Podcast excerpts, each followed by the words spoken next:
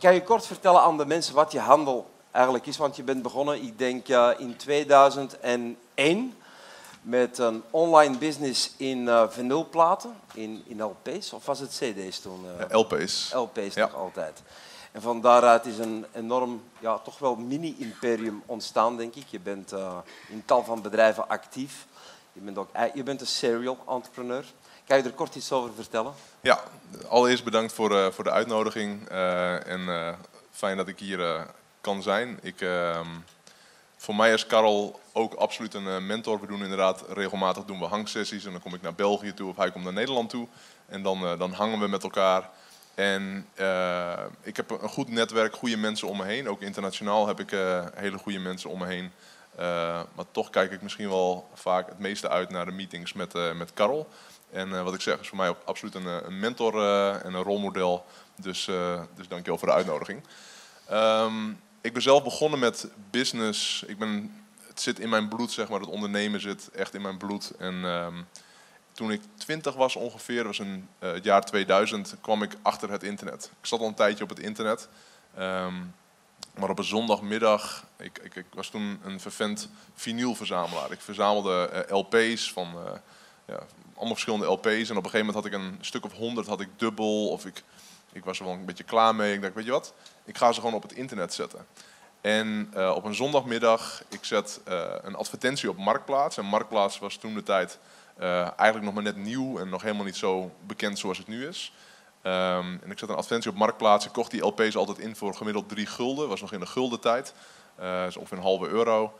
En, um, en ik denk, ja, ik zet gewoon in, zet een documentje, dus 12 gulden per LP. Ik zet hem op Marktplaats en ik krijg die middag krijg ik allemaal mailtjes van mensen die interesse hadden in een documentje waarin al die LP's stonden. Die middag verdiende ik 500 gulden. En voor mij was het echt ik dacht, oké, ik ben rijk. 500 gulden in een middag met iets verkopen wat ik gewoon leuk vind om te doen. Ik denk, ja, dit is gewoon fantastisch. En dit was voor mij een mega doorbraak. Ik, niet alleen dacht ik, ik ben rijk, want ik verdiende 500 gulden in de middag, wat ik nog nooit had gedaan in mijn hele leven. Ik kon het ook nog een keer verdienen met iets wat ik leuk vond om te doen.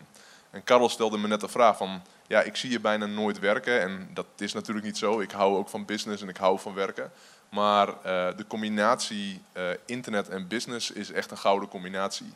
En door die combinatie ben ik in staat om elk jaar, al vanaf 2007, elk jaar meerdere maanden te reizen, uh, mooie mensen te ontmoeten, mooie dingen te doen, een hele goede lifestyle te hebben, maar daarnaast ook gewoon echt een goede business uitbreiden. En nu, waar ik, ja, waar ik eigenlijk het grootste gedeelte van mijn tijd mee bezig ben, is ook ondernemers helpen om succesvol te worden dankzij het internet. Dus het internet dusdanig in, in te zetten, zodat je en meer business kunt doen, maar ook dat je bepaalde dingen kunt aanpassen, zodat je een hele goede lifestyle kunt hebben. Want ik denk dat heel veel ondernemers, en dat leer je natuurlijk ook bij Karel, um, weet je, heel veel ondernemers die passen hun lifestyle aan aan hun business. En ik denk wat je moet willen is dat je business gaat aanpassen naar je lifestyle. Mm. Dus dat je je business zo inricht zodat je een goede lifestyle kunt leiden in plaats van dat je zelf ja, compleet in de nesten werkt omdat je business bijvoorbeeld groeit. En dat moet je natuurlijk niet willen. Als je business groeit, moet het niet per se betekenen dat daarnaast je leven een stuk minder leuk gaat worden. En dat is ook een mindset natuurlijk, hè? Uh, die lifestyle. Want veel mensen, ja, zeker in Vlaanderen, zijn er mensen van West-Vlaanderen? Best wel wat mensen van West-Vlaanderen. We hebben geleerd om heel hard te werken en doen we gewoon. En ja, die werkethiek, die doe-ethiek, dat zit, nog, dat zit bij ons gewoon ingebakken, dat is ingekanteerd. Maar dan kom je dikwijls in de valkuil dat je van s morgens tot dikwijls s avonds laat werkt en je levenskwaliteit schiet er gewoon over. En dat merk je ook niet. Dat is een soort van matrix. Je komt thuis, je bent moe, je eet samen dan nog een keer met de partner, je gaat voor televisie zitten, even uitchecken uit je company, inchecken op het televisieprogramma, dan ga je slapen. S morgens sta je terug op, het is terug die company. En dikwijls gaan mensen hun leven gewoon voorbij. En dat is iets wat wij toch wel gemeenschappelijk hebben, dat we daar niet voor kiezen dat we gewoon voor een andere levensstijl kiezen. Hoe was je zomer trouwens, Elko? Wat, wat heb jij allemaal gedaan? Zomer was, uh, was goed, maar ik ben ook echt voor het eerst echt blij dat de zomer voorbij is. Um, het is heel leuk om lekker te kunnen chillen en leuke dingen te doen. En um, we, zijn we hebben gereisd, we zijn naar, uh, we zijn allemaal geweest? We zijn naar Griekenland geweest en we zijn naar, uh, waar zijn we geweest, Danielle? Nou, ze luistert niet. Ze is, niet, ze is met andere dingen bezig. Mijn vrouw zit achterin. Wat zeg je? We weten het ook niet meer. Wij reizen best wel veel. Dus waar zijn we nog geweest, man?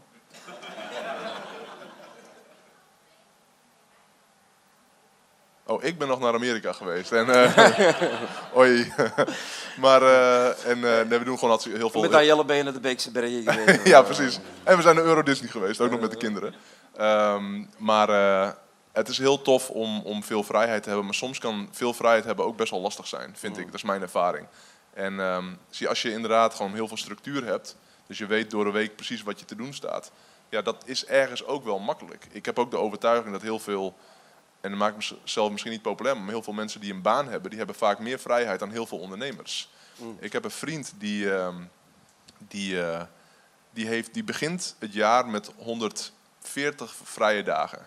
En uh, dus die heeft gewoon op de agenda heeft hij 140 vrije dagen gepland. Hij heeft alle avonden heeft hij vrij gepland. En hij gaat s ochtends naar zijn werk om kwart voor negen ongeveer. En hij is om ongeveer kwart over vijf is hij weer thuis. Op vrijdagavond gaat hij met vrienden gaat hij de kroeg in. Hij gaat door de week, gaat hij in de avond gaat hij in de bioscoop. In het weekend op zaterdagochtend dan loopt hij naar de supermarkt en dan koopt hij een krantje en wat croissantjes.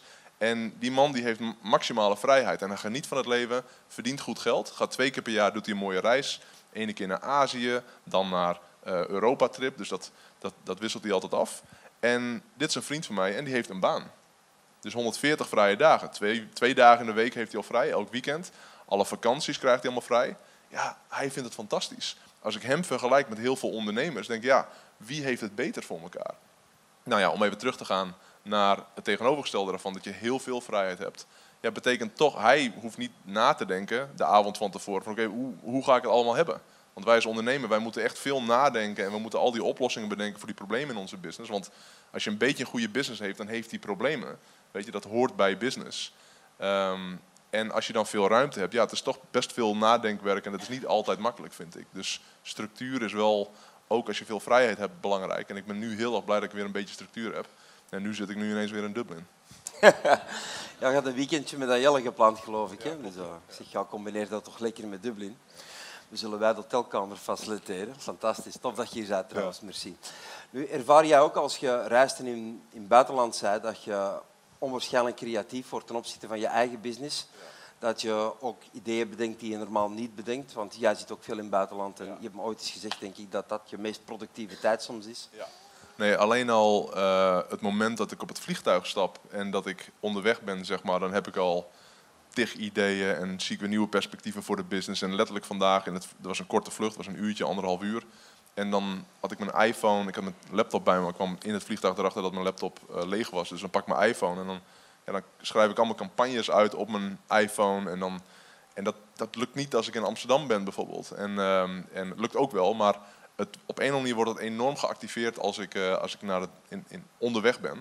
En uh, dus daar ga ik gewoon, gewoon heel goed op.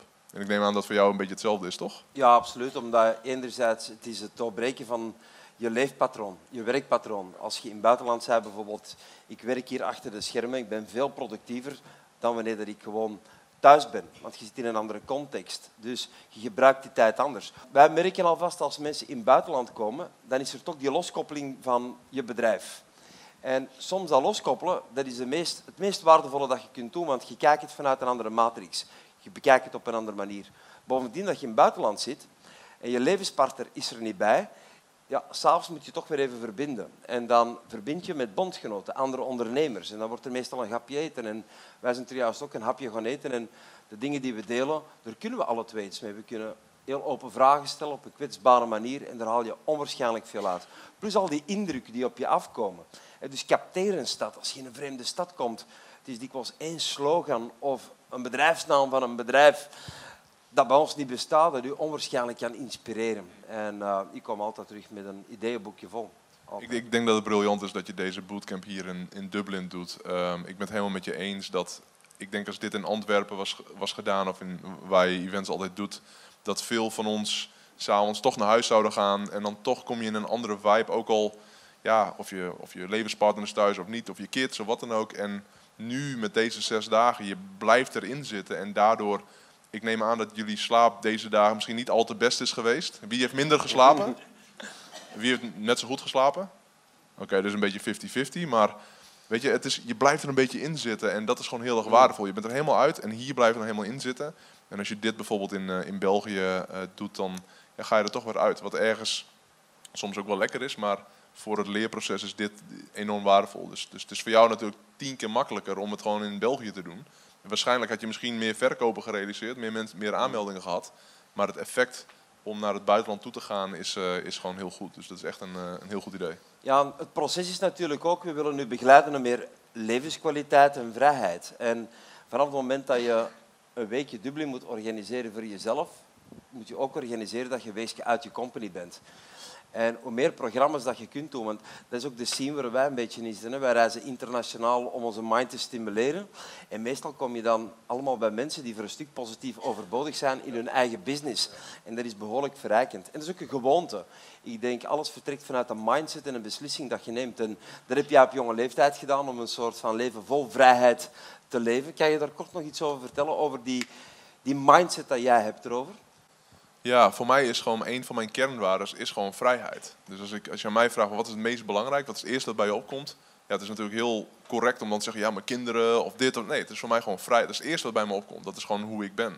Heb ik altijd al gehad. Ik kan er heel slecht tegen als iemand tegen mij zegt wat ik moet doen. Dan, dan, dat is echt, ja, dan blokkeer ik gewoon. En, uh, en uh, ja, vrijheid is gewoon een ding wat, uh, wat voor mij het allerbelangrijkste is. En ja, als ondernemer, ja, wij kunnen het allemaal zelf regelen. Wij zijn allemaal zelf in staat om onze business zo neer te zetten dat, het, uh, dat je het werkende kunt krijgen, zodat je de maximale vrijheid ervan kunt uh, uh, benutten. Zeg maar. dat vraagt wel een mindshift bij veel ondernemers. Hè? Zeker, want inderdaad, wat je net aangaf, heel veel ondernemers hebben inderdaad die work ethic, wat goed is. Het is hartstikke goed om een goede work ethic te hebben. En ook daar leer ik nog steeds. Ik wil, als ik eerlijk naar mezelf ben, denk ik, ja, ik kan nog steeds scherper worden en, en, en mijn work ethic mag nog steeds uh, verder ontwikkelen. Um, dus het is niet direct mijn ambitie om nog meer te chillen voor de rest van mijn leven. Ik wil ook nog scherper worden en beter worden. Um, maar ik ben het met je eens dat heel veel ondernemers de gedachte hebben dat het gewoon nodig is. En het zal best ook zijn dat nu hier best wat mensen in de zaal denken, ja, dat is wel lekker praten allemaal, Ilko, maar uh, zo werkt het natuurlijk niet. En dit ervaar ik heel veel bij ondernemers, dat ze die overtuiging hebben van ja, maar je moet knetterhard werken, je moet echt sacrifices doen, opofferingen uh, doen om succesvol te worden. En mijn overtuiging is dat je de vrijheid kunt behouden. Betekent niet dat je nooit problemen hebt, betekent niet dat het alleen maar makkelijk is, maar het is er, het is voor ons mogelijk. En, um, en dat vind ik ook het, het prachtige aan ondernemerschap, dat je het zelf kunt inrichten zoals je het zelf wil. Ja, een jaar zit vol met succeservaringen en tegenslagen. En die creëer je natuurlijk voor een stukje zelf, ook die tegenslagen, daar ben je zelf ook verantwoordelijk voor. Um, maar als je constant erin zit, dan uh, zie je gewoon veel meer problemen waar je aandacht aan geeft, waar je in eerste instantie geen aandacht aan moet geven. Plus dat je ook niet de creativiteit hebt om op een originele manier, een doeltreffende manier op te lossen, omdat je er diep in zit. Ja. Trouwens, wat is jouw grootste tegenslag van het jaar? Van het jaar? Um, even denken ja, hoe gek het misschien klinkt, de zomer vond ik gewoon niet makkelijk, omdat het zo... Ik, ik, was, heel, ik was mijn momentum compleet kwijtgeraakt. Dus ik had echt moeite om weer terug te komen, om, om weer mijn ritme terug te pakken. En na een week of zes, zeven, gewoon eigenlijk ja, van alles en nog wat doen, uh, merkte ik gewoon dat ik gewoon minder gelukkig voelde. En ik ben gewoon gelukkig als er wel iets van ritme en regelmaat is. En dus ik was mijn momentum gewoon compleet... Ik had, ik had enorme momentum richting de zomer. Toen was ik hem helemaal kwijtgeraakt. En dan beginnen die mindfox en dan zit je na te denken. En dus voor mij was, uh, en het is misschien een, een, een, gek antwoord, maar het is wel de realiteit dat door er helemaal uit te gaan, ja, dan, dan dat werkt voor mij ook niet. Oké, okay. was je grootste succeservaring dit jaar? Je grootste doorbraak? Ja, we, we draaien nu bij far het beste jaar ooit. Dus dat is, dat is top. Um, en ik denk dat dat dat heeft heel veel te maken met ook wat ik vorig jaar al heb gedaan. Dus vorig jaar heb ik heel veel gewerkt aan goed marketingmateriaal. Um, ik noem het dan een marketingmeesterwerk. Dus dat je iets kunt creëren. En dat, jullie zullen heel veel van Andy hebben geleerd de afgelopen dagen hier ook over. Maar dat je iets kunt creëren wat um, je maakt het één keer en vervolgens kan het lange termijn voor je, voor je werken. En ik heb vorig jaar heb ik mezelf echt opgesloten, drie maanden lang, om te werken aan één marketingmeesterwerk. En dat is een combinatie van een video en een webinar en advertentiecampagne. En om te zien dit jaar dat die gewoon de hele tijd loopt. En dat we daardoor eigenlijk, zonder dat ik er eigenlijk nog uren in steek, het beste jaar ooit draaien. Dat is wel een ding waarvan ik denk van oké, als ik kijk naar dit jaar, wat is echt goed aan dit jaar, is dat een ding wat, wat heel belangrijk is. Waarbij ik ook alweer scherp moet zijn en niet te trots moet zijn van, oh kijk wat voor goed jaar we draaien. Want eigenlijk de resultaten van dit jaar is het werk van vorig jaar. Ja, succes komt meestal met een interval. Hè. Dus de resultaten die vallen meestal met een interval. En soms zijn we te ongeduldig. En soms komt het gewoon vroeger dan verwacht. Nu Elko, wij Vlamingen, uh, je kent een beetje de Vlaamse cultuur, maar wij kennen die natuurlijk nog beter. Wij zijn extreem open over geld. Hè. Dat is zo. Hè. Dus wij praten er ook graag over. Wat heb jij verdiend uh, het afgelopen jaar? Ja, het is een beetje, een beetje jammer, maar ik heb vanochtend niet gekeken, dus ik weet het niet. maar het is wel, het is wel leuk om te, gewoon, bijvoorbeeld als je het hebt over zo'n marketingcampagne. Um, één campagne die ik dan vorig jaar heb gemaakt, en dat is nogmaals, dat is een, een, eigenlijk een video die ik heb gemaakt, waar ik dus letterlijk maanden mee bezig ben geweest.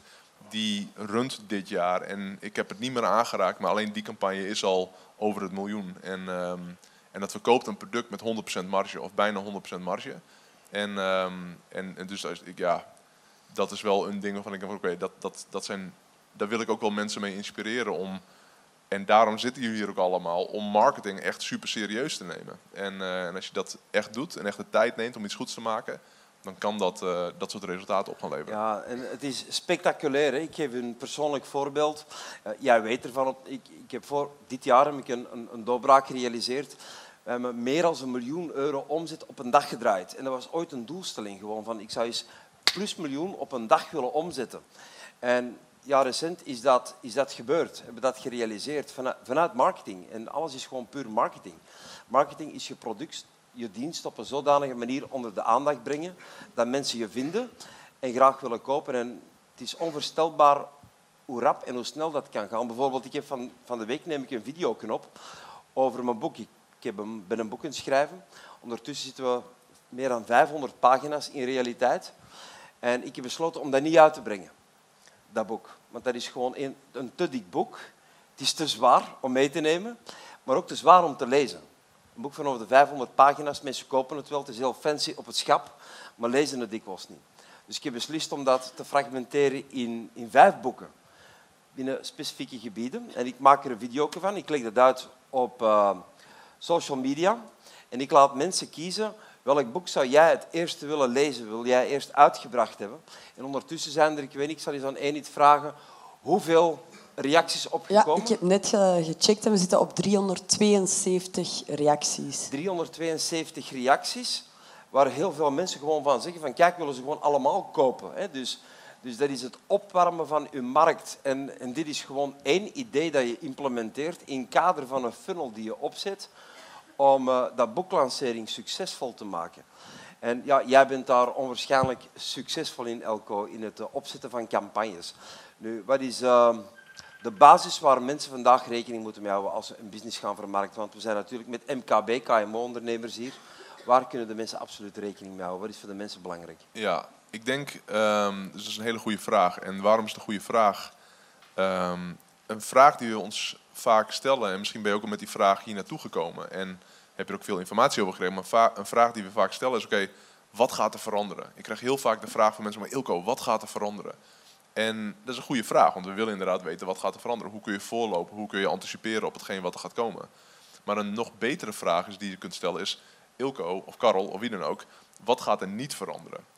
En wat er niet gaat veranderen is dat uh, je communicatie uh, het allerbelangrijkste is techniek is ondergeschikt aan communicatie. Als jij weet hoe je kunt verkopen in person, dan heb je, heb je bijna de sleutel tot succes voor online. Want als je weet hoe je in person kunt closen, kunt verkopen, ja, dan kun je dat vertalen naar online. En als je dat kunt vertalen naar online, en dat is dan in bijvoorbeeld een verkooppagina, of een video, of een live webinar, um, of bijvoorbeeld een seminar, dat kan natuurlijk ook. Maar uh, weten hoe je kunt verkopen, en dat is gewoon een, een proces in principe. En snappen waar je klanten hun grootste problemen en hun grootste ambities zitten. Als je dat goed begrijpt en daar vol op gaat zitten en daar nog meer over gaat nadenken en dat vervolgens online brengt, dan kun je gaan winnen. Dus veel mensen zien mij als een succesvolle internetmarketeer en ik ben ook een succesvolle internetmarketeer, waarbij ze ook direct denken dat ik vol technisch sterk ben. Maar ik heb in mijn leven, ik ben nu bijna 20 jaar ben ik aan het verkopen via het internet, ik heb nog nooit een website gemaakt. Ik heb nog nooit een pagina gemaakt. Ik heb nog nooit een video bewerkt. Ik heb nog, een nooit, nog nooit een mail naar mijn mailinglijst gestuurd. Ik heb nog nooit een betaallink ergens geplaatst. Ik heb, ik, die dingen heb ik allemaal nog nooit gedaan. Waarom niet? Eén, omdat ik gewoon inderdaad lui ben. eh, en ook graag dingen uitbesteed. Maar twee, ook omdat ik het gewoon echt niet kan. Ik ben echt a-technisch. Ik kan nog geen gat in de muur boren. En ehm, dus technisch gezien ben ik helemaal niet sterk. Ik snap er helemaal niks van. Maar communicatief ben ik sterk. Ik weet wat ik moet zeggen, hoe ik het moet zeggen, in wat voor volgorde en dat soort dingen. En eh, een angst voor heel veel ondernemers en mogelijk hier ook wel een aantal mensen die denken, ja, dit is allemaal heel erg waardevol, alleen ik ben niet technisch, dus dit is voor mij niet relevant. Het maakt niks uit of je technisch bent of niet. Sterker nog, ik denk dat het een, een gift is bijna als je niet technisch bent. Want dan moet je het uitbesteden, dan hoef je niet meer over na te denken en kun je gaan focussen op de boodschap. De boodschap is het allerbelangrijkste en dat gaat nooit veranderen. Jouw klanten die gaan niet veranderen. Tuurlijk gaat de wereld veranderen en veranderen, maar een mens blijft een mens. Ik moest een keer spreken voor eh, iets van 3000 man. Jij was er ook bij in Amsterdam. eh, een jaar of zes geleden is het al, vijf geleden zoiets.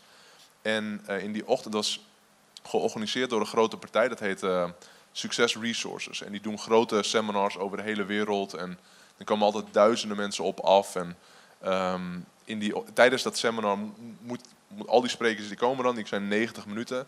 En aan het einde van eh, die 90 minuten eh, doe je een pitch, doe je een aanbod. En dus je verkoopt bijvoorbeeld een online programma van 2000 euro. En dan deel je die du- 2000 euro met de organisator, met Success Resources. En je mag zelf 1000 euro houden. En in de ochtend, ik kom daar, ik was heel erg zenuwachtig, want ik had nog nooit voor 3000 mensen gesproken. En ik moest ook nog een keer pitchen voor 3000 man, dat had ik ook nog nooit gedaan. En de organisator, de eigenaar daarvan, Richard, die kwam naar me toe. En die zei, de eerste wat hij zei, was een, de eerste wat hij zei, you're gonna make me a lot of money. Ik zei, ja, ik ga mijn best doen. En de tweede zei hij tegen mij, en ik heb niet lang met hem gesproken, maar dit zijn de twee dingen die hij tegen me zei. Hij zei van, everybody always thinks everybody's different all over the world. En hij doet dus seminars over de hele wereld. Dus in Europa, in Azië, overal. En hij zegt, everybody always says and everybody thinks everybody's different all over the world. We're all the same. Weet je, hij ziet die sprekers die op het podium komen.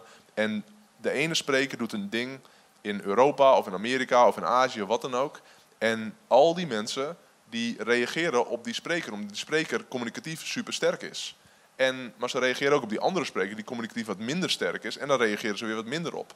Wij, wij, wij blijven mens en jouw klanten blijven ook mens. En als jij begrijpt hoe je van mens tot mens kunt communiceren en kunt binnenkomen bij, bij hun, op een manier waarop zij denken van ja, die begrijpt me en dit is wat ik wil, dan kun je winnen. Dus nogmaals, techniek is absoluut ondergeschikt eh, ten opzichte van communicatie. Ja, mensen denken dikwijls in de hoe. Hoe kan ik dat doen? Ja. Maar denken te weinig in de wie. Ja. Wie gaat dat voor mij faciliteren? Ja. Hoe vind je waardevolle partijen om met je samen te werken, Elko? Hoe doe jij dat? Ehm, en, en dan bedoel je aan wie je kunt uitbesteden? Ja, technische mensen. Ja, dit is een, ook een hele goede vraag. En ehm, dit is niet de makkelijkste inderdaad. Ehm, want, en ik denk dat Andy het daar ook al over heeft gehad, dat als je inderdaad iets uitbesteedt. Er zijn, vandaag de dag zijn er allemaal marketing agencies en allemaal partijen die ja, nu inspelen op ondernemers als ons die graag willen groeien en die geïnspireerd zijn. En die vervolgens wel de hoofdprijs, hoofdprijs vragen voor hetgeen waarvan zij weten dat jij misschien er niet al te veel verstand van hebt. Dus dat je je advertenties uitbesteedt aan een partij bijvoorbeeld. En vervolgens, ja, zij weten gewoon, ja, dit is niet jouw spel. Dus ehm, eh, ja, ze vragen de hoofdprijs en ze komen met mooie getallen. Maar per saldo zie je niet echt veel meer klanten binnenlopen in je winkel. Ehm, dus stap 1, en dit doen jullie allemaal heel goed. Begrijp wat er gaande is, wat er gebeurt. Begrijp marketing. Dus als je dingen gaat uitbesteden, begrijp wat er gebeurt. En het is hetzelfde met hoeveel ondernemers ik wel niet naar me toe heb, eh, of verhalen ik wel niet van ondernemers heb gehoord over hoe ze genaaid zijn door hun boekhouder of door hun accountant. Ik denk, ja, maar ja, dat is, ik snap dat je dat zegt. Alleen uiteindelijk het is onze eigen verantwoordelijkheid dat we onze numbers begrijpen voordat je het compleet gaat uitbesteden. Ik denk dat het goed is om niet al je administratie zelf te doen, maar ik denk dat het ook goed is dat je begrijpt hoe bepaalde dingen in elkaar steken. Hetzelfde met marketing. Dus stap 1 is wel echt gewoon goed begrijpen wat is belangrijk. En als je weet van oké, wat is belangrijk en hoe zit het allemaal, dan in het kijken van oké, wie kan dat doen? En dan de wie. Ik ben een heel groot fan van, en ook hier moet ik altijd een beetje mee opletten, want ik, ik heb dit ooit een keer online gezet en je moest dus weten hoeveel shit ik over me heen kreeg. Maar ik ben heel erg fan van jonge lui. 18, 19, 20 jaar, 21 jaar. Dat zijn toch, als het gaat om advertenties, om video-editing, om al die technische dingen waar je snel stappen wil maken. Ja, die lui die hebben er geen opleiding voor. Maar als zij niet weten hoe iets moet, Ja, dan gaan ze naar Google en dan gaan ze zoeken hoe moet dat. En vervolgens weten ze hoe het moet. En dan drie minuten later of drie uur later kunnen ze het ineens. Dus je kunt het uitbesteden aan een marketingbedrijf die 100 euro per uur vraagt. Of je kunt het uitbesteden aan je neefje van 17 die het voor 5 euro per uur bij wijze van doet. En die sneller is en het leuker vindt en meer uren wil draaien. En, dus ik ben heel erg fan van jonge lui. Ehm, en dan natuurlijk, hoe vind je die? Ja, dat begint gewoon echt met hier bewust van zijn. Bewust van zijn dat de jonge lui hier heel goed in zijn, het leuk vinden. En, ehm, en als je er bewust van bent, dan ga je al die jonge lui zien. Dan ga je ineens nadenken, ja, ik heb inderdaad een neefje van 19. Of ja, dat, dat jochie daar op de buurt. En het is heel simpel allemaal. Hè? Ik bedoel, het is niet allemaal zo makkelijk van... Maar het, is, het begint met ervoor openstaan. En als je ze ziet, ehm, probeer ze tot je te krijgen. En als ze goed werk verrichten, weet je, betaal ze snel, betaal ze op tijd. Geef ze een keer een krat bier mee naar huis of wat dan ook, bij wijze van. En, uh, en ehm, ja, bind ze aan je. Dat is een van de habits van de meest succesvolle mensen ter wereld. Jij hebt trouwens, Elko is een, uh, ik zal niet, niet zeggen een goede vriend, maar toch wel een goede kennis van Richard Branson. Nou, ik zou zeggen, hij is meer een goede kennis van mij. Zeg maar, uh, hij relatief dus, uh, Maar jullie tennis, tennissen samen, je hebt op Necker Island geweest. Ja. Kan jij iets vertellen van Richard Branson bijvoorbeeld? is een multimiljardair, is een serial entrepreneur, 500, 600 bedrijven. Ik denk dat hij zelf niet meer weet van welke bedrijven dat hij op het ogenblik allemaal eigenaar is. Ehm, hoe staat hij ten opzichte van persoonlijke en professionele ontwikkeling? Precies dat, wat je net zei is heel grappig. Want ik, was, uh, ik ben Necker Island ben ik een paar keer geweest en ik ben bij hem in Zuid-Afrika geweest. En in Zuid-Afrika vertelde, ze, vertelde hij over uh, dat ze nu ook Necker, of nee, uh, Virgin Hotels waren gestart. En hij vertelt um, heel trots over dat hij over een paar weken zijn eerste hotel opent in New York. En vervolgens werd hij gecorrigeerd door zijn personal assistant. Nee, het is Chicago. Dus hij weet gewoon letterlijk, dat soort dingen weet hij niet. En, en voordat ik iets, wel iets over hem wil vertellen, nog één ding. Het was, ik was in maart op een dinsdag. Ik heb er toevallig een video op, op mijn YouTube-kanaal uh, over staan. Dat ik, um, het was een dinsdagochtend en ik had de woensdag, donderdag, vrijdag had ik een seminar. Dat heette Leven van Internet. En, um, en die dinsdagochtend denk ik, ja, ik weet niet man, ik, uh, ik heb even wat inspiratie nodig. En uh, dus ik stuur, uh, Karel stuur ik een appje van, hey, heb je misschien tijd om een zin om te lunchen? Hij zegt, ja, kom maar naar Braschaat toe, gaan we lunchen. En dus wij gaan naar Braschaat, of ik ga naar Braschaat toe en ik, ik ga daar lunchen met Karel. En dit even terugkomen op inderdaad, je zit met mensen, je bent met mensen en het doet wat met je. Omgeving is sterker dan wilskracht, het doet wat met je. Ik had die drie dagen daarna had ik een, had ik een event. Ik zit met Karel, zijn aan het lunchen en tijdens die lunch krijg ik het inzicht. Want ik krijg altijd waardevolle inzicht als ik met Karel ben. En het is niet dat hij dat tegen me zei, maar ik zie het gewoon, ik voel het gewoon van ik denk, ah, hij neemt zijn seminars gewoon veel serieuzer dan ik. En hij neemt zijn business ook nog veel serieuzer dan ik op, op een aantal dingen. Ik had met mijn seminar, ik neem mijn seminar super serieus, maar um, we hadden het ook over hoe kun je tijdens je seminar ervoor zorgen dat mensen ook daadwerkelijk klant bij je kunnen worden. Dus dat je gaat closen op een seminar. En we hadden het daar gewoon over en ik, mijn strategie eigenlijk voor mijn seminars. Van ja, ik zie het wel op een gegeven moment en ik deel dat formulier wel uit en mensen kunnen uiteindelijk wel bij mij uh, mijn programma uh, gaan volgen. En doordat ik gewoon bij Karel in de omgeving was, kreeg ik het inzicht van nee, ik moet dat gewoon serieuzer nemen. Ik zit het, weet je, aan alles van de events van Karel zie je, hij is een pro. Hij is absoluut een pro. Er is niks waarvan je denkt van ah, Nee, het is gewoon een pro. En ik, op sommige vlakken van mijn seminars, was ik amateur. Ik denk, ja, ik zie het wel. Ik, ik deel wat formulieren uit en we zien het, want dat ging het vorige seminar, ging dat ook goed. Dat was op dinsdag. Dinsdagavond kom ik terug. Woensdag begint het seminar. Ik had nog niks anders gedaan, want ik had nog niet de tijd gehad om dingen aan te passen. Woensdag tijdens mijn seminar besefte ik van, oké, de manier waarop ik nu mijn pitch ga aanvliegen gaat niet werken. Woensdagavond was heel laat geworden, tot 10, 11 uur of zoiets. Donderdagochtend uh, had ik letterlijk nog 40 minuten tijd om de dingen aan te passen. En ik paste het aan op basis van het gesprek wat ik met Karel had gehad. En ik nam het dus serieus, ik ging er beter over nadenken. En dat was mijn hoogste close percentage ooit. En dat is gewoon echt het verschil tussen, en daarom vind ik het fijn om met Karel te zijn, het verschil tussen amateur en pro. Karel is een absolute uh, pro. En, uh, en, en, Zwaar. Ja, dat, is, uh, dat snap ik wel. Dat, uh, en behalve met zijn humor dan, maar. Maar. Dus omgeving is zo ongelooflijk belangrijk. En hetzelfde inderdaad met Necker Island, met, met Richard Branson. Ik heb daar flink voor ge geïnvesteerd om daar naartoe te gaan. En, um, en ook dan hoor ik van ondernemers die ook succesvol zijn, die vragen: oh, wat kost dat dan? En dat ze denken: ja, maar je bent toch gek dat je dat doet? Oh, dat is 50k geloof ik. Ja, 40.000 voor, een, voor een week. En, um, Plus je Ja, alles moet er dan nog bij, inderdaad. Ja. Dus, ehm, en, ehm, en, en die zien inderdaad dat bedrag, maar ik zie gewoon een lifetime herinnering. En inderdaad, we hebben het er nu weer over. En het is, het is gewoon, ehm, gewoon enorm waardevol om, om met de juiste mensen te zijn. En, Je hebt er trouwens een, een supercoole prijs gewonnen ter waarde van, ik dacht 65.000 dollar. Ja. Kan je dat verhaal eens een keer vertellen? Want ik vind het super mega inspirerend. Ja, internet fasting. Ja, ik was, in 2013 was de eerste keer dat ik naar Necker Island ging. En Necker Island is het dus het privé-eiland van Sir Richard Branson. En inderdaad, die man die is ja, voor heel veel ondernemers is hij het rolmodel. Voor mij was hij absoluut eh, nummer één rolmodel. En in 2013, ik was op het eiland en ehm, ik ben niet extreem spiritueel, maar ik ben wel redelijk in tune soms. En op dat eiland had ik de hele tijd visioenen van Zuid-Afrika. En ik had er nooit nagedacht überhaupt over Zuid-Afrika om daar naartoe te gaan. En dat was in 2013. Ik had niet meer daarna nagedacht over die visioenen die ik had over Zuid-Afrika. Jaar later, ik ga weer naar Necker Island, want ik dacht, ja, ik wil er gewoon weer naartoe. En ehm, een dag voordat het, eh, eh, de week begint, kreeg ik een, een mailtje met een video van Joe Polish. En Joe die organiseert, eh, organiseerde die events van, ehm, van eh, Necker Island. En dat is ook de groep zeg maar, die daar naartoe gaat. En ik zit ook in die groep van Joe, waar je het net over had, waar ik 100.000 dollar per jaar voor betaal om daar eh, aan te schuiven. En ehm, Joe stuurt die video en in die video zegt, oké, iedereen hier ehm, moet een 10-minute talk geven. En een 10-minute talk is dat je in 10 minuten je allerbeste idee presenteert. Een idee wat je, in, in zijn geval, moest het geloof ik, je moest je minimaal 250.000 dollar hebben opgeleverd. Dat is een beetje Joe's ding. En, ehm, en toen dacht ik dus na, oh ja, en de prijs was dus dat je ehm, een week met Richard Branson naar Zuid-Afrika gaat. Hij heeft daar ook een resort en dat je in zijn privéjet gaat en dat je allemaal vette dingen gaat doen. En, ehm, en eh, ik denk, ja, waar moet ik het over gaan hebben in 10 minuten? Wat zijn er nou die dingen? Moet ik het hebben over webinars, want daar ben ik goed in, of over marketing, of dit of dat? Of ik denk, ja, ik weet het even niet.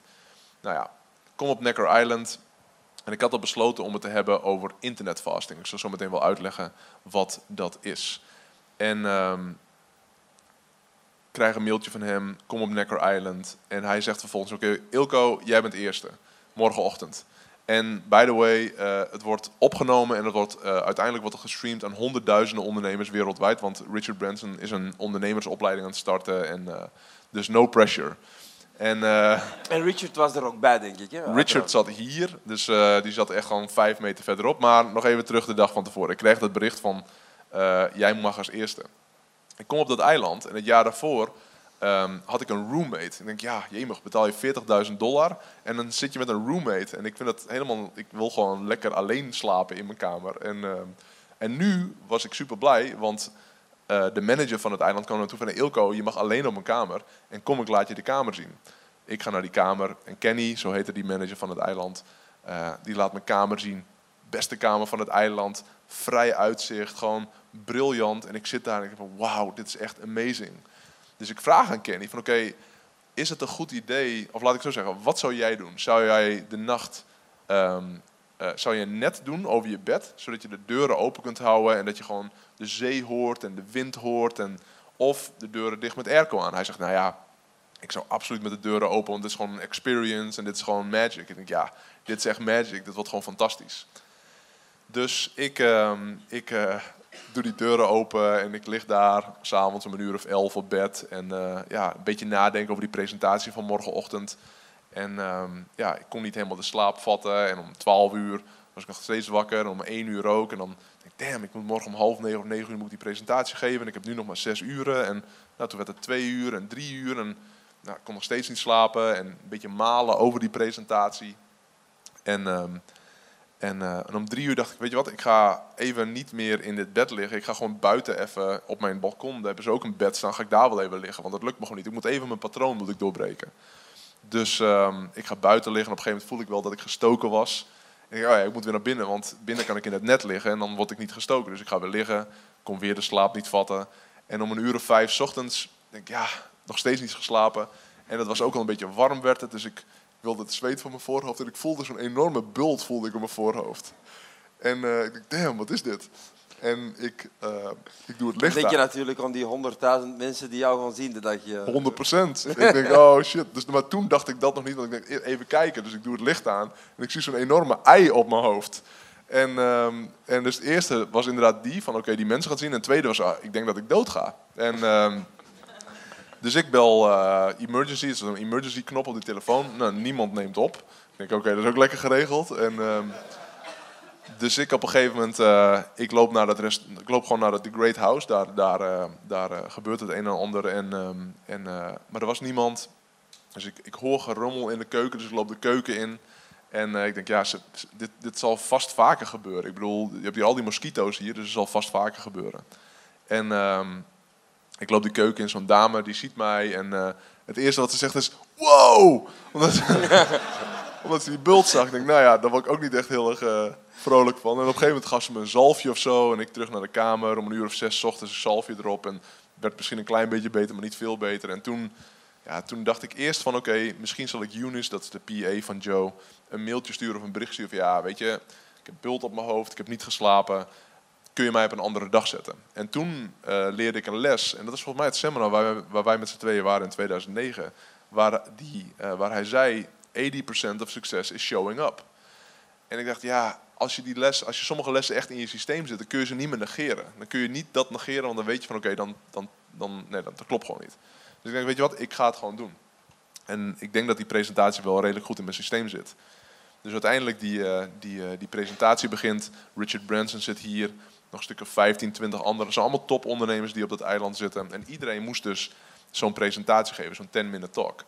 En ik had besloten om een 10-minute talk te geven over internetfasting. En internetfasting is een theorie die ik heb ontwikkeld, nu al een jaar of 10, 11. Waarbij uh, er is een, een theorie in, in, uh, in de gezondheidswereld, heet intermittent fasting. Wie heeft er wel eens van intermittent fasting gehoord? Een aantal van ons.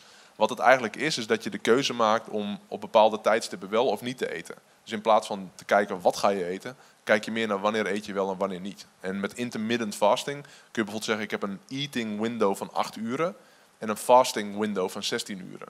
Dus een eet je bijvoorbeeld van 10 uur s ochtends tot 6 uur s avonds. En dan vanaf 6 uur s avonds tot uh, 10 uur s ochtends eet je niks. Of sommigen hebben een, een, fasting window van 18 uren en een periode van 6 uren dat ze wel eten. Nou ja, dat is niet wat ik doe. Heb ik ook nog nooit echt serieus gedaan. Maar ik denk, hé, hey, wat nou, want het voordeel daarvan is dat je in die 6 uren eten of die 8 uren eten per saldo minder eet. Want je hebt gewoon minder tijd om te eten. En die 16 uren dat je niet eet, hoef je niet na te denken van oké, wanneer ga ik weer eten wat ga ik nu eten? Nee, want je eet gewoon niet tijdens die periode. Dus het geeft heel veel peace of mind en het schijnt ook gezonder te zijn. Ik denk ja, wat nou als je dit kunt uh, toepassen op internetgebruik. Want vandaag de dag, we zijn, niet, we zijn er nooit zo afgeleid als vandaag de dag. En je kunt niet afgeleid naar het volgende niveau groeien. Dat lukt gewoon niet. Dus je moet je focus bewaren. En helemaal als je op internet een business runt, moet je je focus bewaren. Dus ik denk, oké, kun je dit ook doen met het internet? Dus dat je een internet window hebt van een aantal uren en een um, niet internet window, dus een fasting, internet fasting periode van een aantal uren. En die hele theorie, want ik heb heel vaak, als ik kijk naar afgelopen week, afgelopen week, in een volle week, ben ik in totaal misschien vijf of zes uren online geweest. In een volle week. Meeste ondernemers, de meeste mensen zijn tien, tien plus uren per dag op het internet. Ik in een volle week vijf tot zes uur. Gemiddeld één uur per dag. Dus om twee uur zet ik het internet aan tot een uur of drie en that's it. En dat is een hele extreme, ik ben daar super extreem in. Ik ben met een aantal andere dingen ben ik ook wel extreem, maar hier ben ik super extreem in. Dat is voor mij vrijheid. Dat zorgt ervoor bij mij dat ik maximaal productief ben en rustig ben en beste ideeën krijg en dat soort dingen. Dat idee presenteer ik daar. Ik sta daar met mijn ei op mijn hoofd. Uh, het was daar ook best wel warm. Ik was zenuwachtig, inderdaad, die honderdduizend mensen die het gingen kijken. Richard Branson die daar ziet, al die topondernemers en die prijs van 65.000 dollar die je kon winnen. En ik sta daar en ik begin die presentatie. En ik zou heel graag willen zeggen van dit was de beste presentatie ever. Maar het was letterlijk mijn allerslechtste presentatie die ik ooit in mijn hele leven heb gegeven. Het was niet een 10-minute talk, maar het was een 6-minute talk en ik was klaar. Ik wist ook niet meer waar ik het over moest hebben.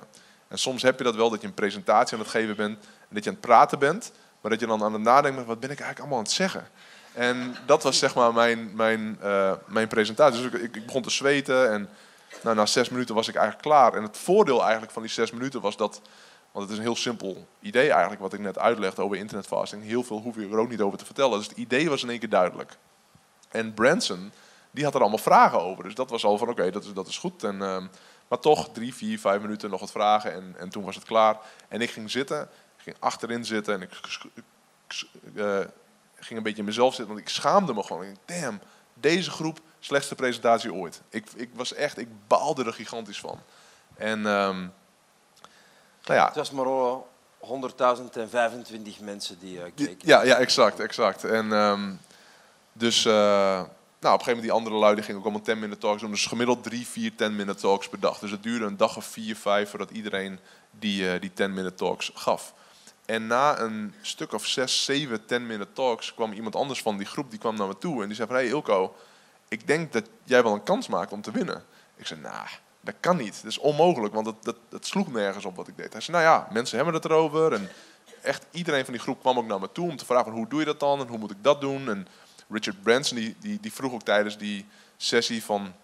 Ja, ik ben denk ik elke dag al iets van twee of drie uur bezig met mijn e-mail. Hoe zou je dat doen? Ik zei, nou ja, dan moet je misschien je business wat beter inrichten. En, uh, en um, dus na een stuk of zes, zeven van die 10-minute talks uh, zei iemand van ja, je maakt dan een kans. En tot die 7 10-minute talks stond ik de hele tijd achterin, zat ik te schrijven naar die 10-minute talks. Want ik wil, ik wil hun goede ideeën wil ik tot me nemen. Ik hoop echt dat het goede 10-minute talks zijn. Na die opmerking hoopte ik bij elke 10-minute talk, ik hoop dat ze niet zo goed zijn. en, um, en toen uiteindelijk aan de, op de laatste dag um, uh, was dan de uitreiking van wie heeft die, uh, wie heeft die prijs gewonnen van 65.000 dollar. En toen um, ja, toen kondigden ze mij aan en toen een paar maanden later zat ik in Zuid-Afrika bij, uh, bij Richard Branson. Dus uh, dat is wel een, een, een, belangrijk moment geweest inderdaad in mijn carrière. Wauw, ja. mooi. Mooi verhaal trouwens. En die, uh, heel, heel typisch aan jou is, ik zie jou ook soms met een heel onconventionele telefoon rondlopen. Dus uh, geen smartphone. Want je bent een internetondernemer ja. die per definitie heel weinig op het internet zit. Ja, dus voor mijn telefoon heb ik een, zo'n Nokia 3310. Het is geen smartphone, maar een dumbphone. Je kunt er niks mee, je kunt ermee bellen en je kunt ermee sms'en. En dat is het enige wat je ermee kunt. En daar, uh, die heb ik bij me als ik onderweg ben bijvoorbeeld. Um, die heb ik eigenlijk altijd bij me, want daar bel ik mee en daar, daar, ben, ik, uh, daar ben ik op bereikbaar als ik bijvoorbeeld, want ik wandel heel veel, ik wandel elke dag wel een uur of anderhalf uur of zo.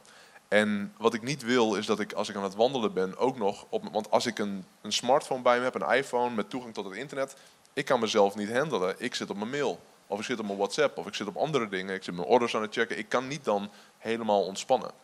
Alleen ik wil ook niet zonder telefoon weggaan, want stel je voor, ik heb een vrouw, ik heb drie kinderen, weet je, misschien gebeurt er iets wat echt belangrijk is. Ik wil wel bereikbaar zijn.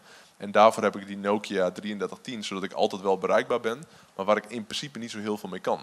Ik heb wel ook altijd een iPhone bij me, maar die iPhone, er zit geen simkaart in. Dus die iPhone gebruik ik met de functies van de iPhone. Dus daar kan ik aantekeningen maken. Ik heb een podcast, ik heb iets van 400 podcast opleveringen letterlijk met mijn iPhone zo opgenomen. Heel veel als ik aan het wandelen ben of in de auto zit of wat dan ook. Uh, dus ik gebruik hem om podcast te luisteren, podcast op te nemen, aantekeningen maken. Uh, ik gebruik hem om uh, audioboeken te luisteren. Uh, en ik gebruik hem als ik bijvoorbeeld op het internet zit, als ik bijvoorbeeld in wifi heb, in, in een hotel, dat soort dingen. Maar ik, ik, ik, als ik mee onderweg ben, ik ben niet connected met het internet, ik ben 0% connected met het internet, zodat ik inderdaad die vrijheid ook kan uh, behouden. En wat doet dat voor jouw business uiteindelijk om, om niet connected te zijn? Ja, dat doet dus dat ik zelf um, ja, 22 uur per dag niet op het internet zit en daarmee dus creatief ben en productief ben en op de zaken vooruit loop. Dus als ik op het internet zit, toegang heb tot het internet, dan krijg ik zoveel minder dingen gedaan. Dan heb ik zoveel minder tijd om na te denken, zoveel minder tijd om goede keuzes te maken. En doordat ik het, geen toegang heb tot het internet, ja, als je geen toegang hebt tot het internet, maar je hebt wel bijvoorbeeld je iPhone zonder internet of een MacBook zonder internet, ja, dan creëer je gewoon heel makkelijk en heel veel. En um, een vriend van mij die heeft. Uh, een jaar of vijf geleden heeft hij in Nederland heeft hij een, eh, een, een absolute bestseller geschreven. is De Belofte van Pisa. Mano heet hij, Mano Bousamour. En uh, dat boek, dat ontstond gewoon. Dus hij had het idee voor een boek. En dat boek, dat ontstond gewoon. Ineens was het er. Omdat het kon niet anders dan dat het geschreven moest worden. En daardoor werd het ook een absolute bestseller. Toen werd het een bestseller en toen zei zijn uitgever tegen hem... Mano, hier heb je een iPhone. Want je bent nu succesvol en je moet nu bereikbaar zijn. Want uh, er zijn heel vaak aanvragen voor interviews en dat soort dingen. En wij willen ook dat je gewoon bereikbaar bent en dat je reageert. Vervolgens wilde hij zijn tweede boek schrijven. Hij heeft drie jaar lang heeft hij geworsteld om dat boek eruit te krijgen. Zijn eerste boek was een meesterwerk. Zijn tweede boek, ehm, ik weet niet of hij het ziet als een meesterwerk, maar het was moeilijk. Het was heel moeilijk om dat te schrijven. En hij zei tegen mij, het verschil tussen boek 1 en boek 2 was heel simpel, domphone, iPhone. Mm. En, um, want wij als ondernemer, maar ook als creatieveling, je moet diep gaan soms. Je moet diep kunnen nadenken.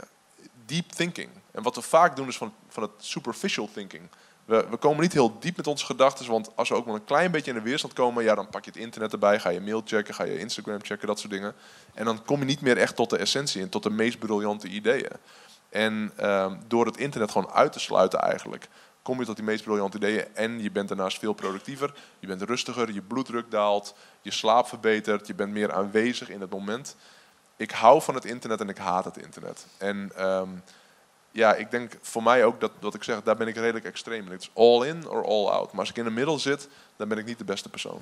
Ja, toen uh, Steve Jobs de smartphone heeft geïntroduceerd, heeft denk ik heel de wereld veranderd. Hè. is compleet getransformeerd. Hè.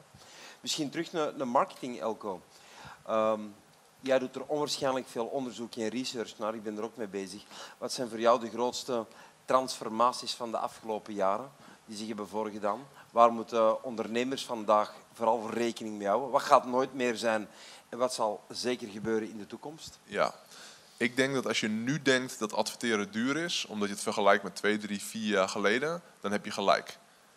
Het is duurder, maar het zal waarschijnlijk nooit zo goedkoop worden als vandaag de dag. Dus over drie, vier, vijf jaar is zeg maar waar je nu 1000 euro, voor, nu krijgt voor 1000 euro x resultaat. En dan denk je, ah, het is oké over drie, vier, vijf jaar krijg je voor die duizend euro krijg je misschien de helft of een kwart van het resultaat. Weet je, het wordt steeds drukker. Um, aandachtspannen wordt steeds lager van mensen. Je moet steeds meer dingen doen om eruit te springen.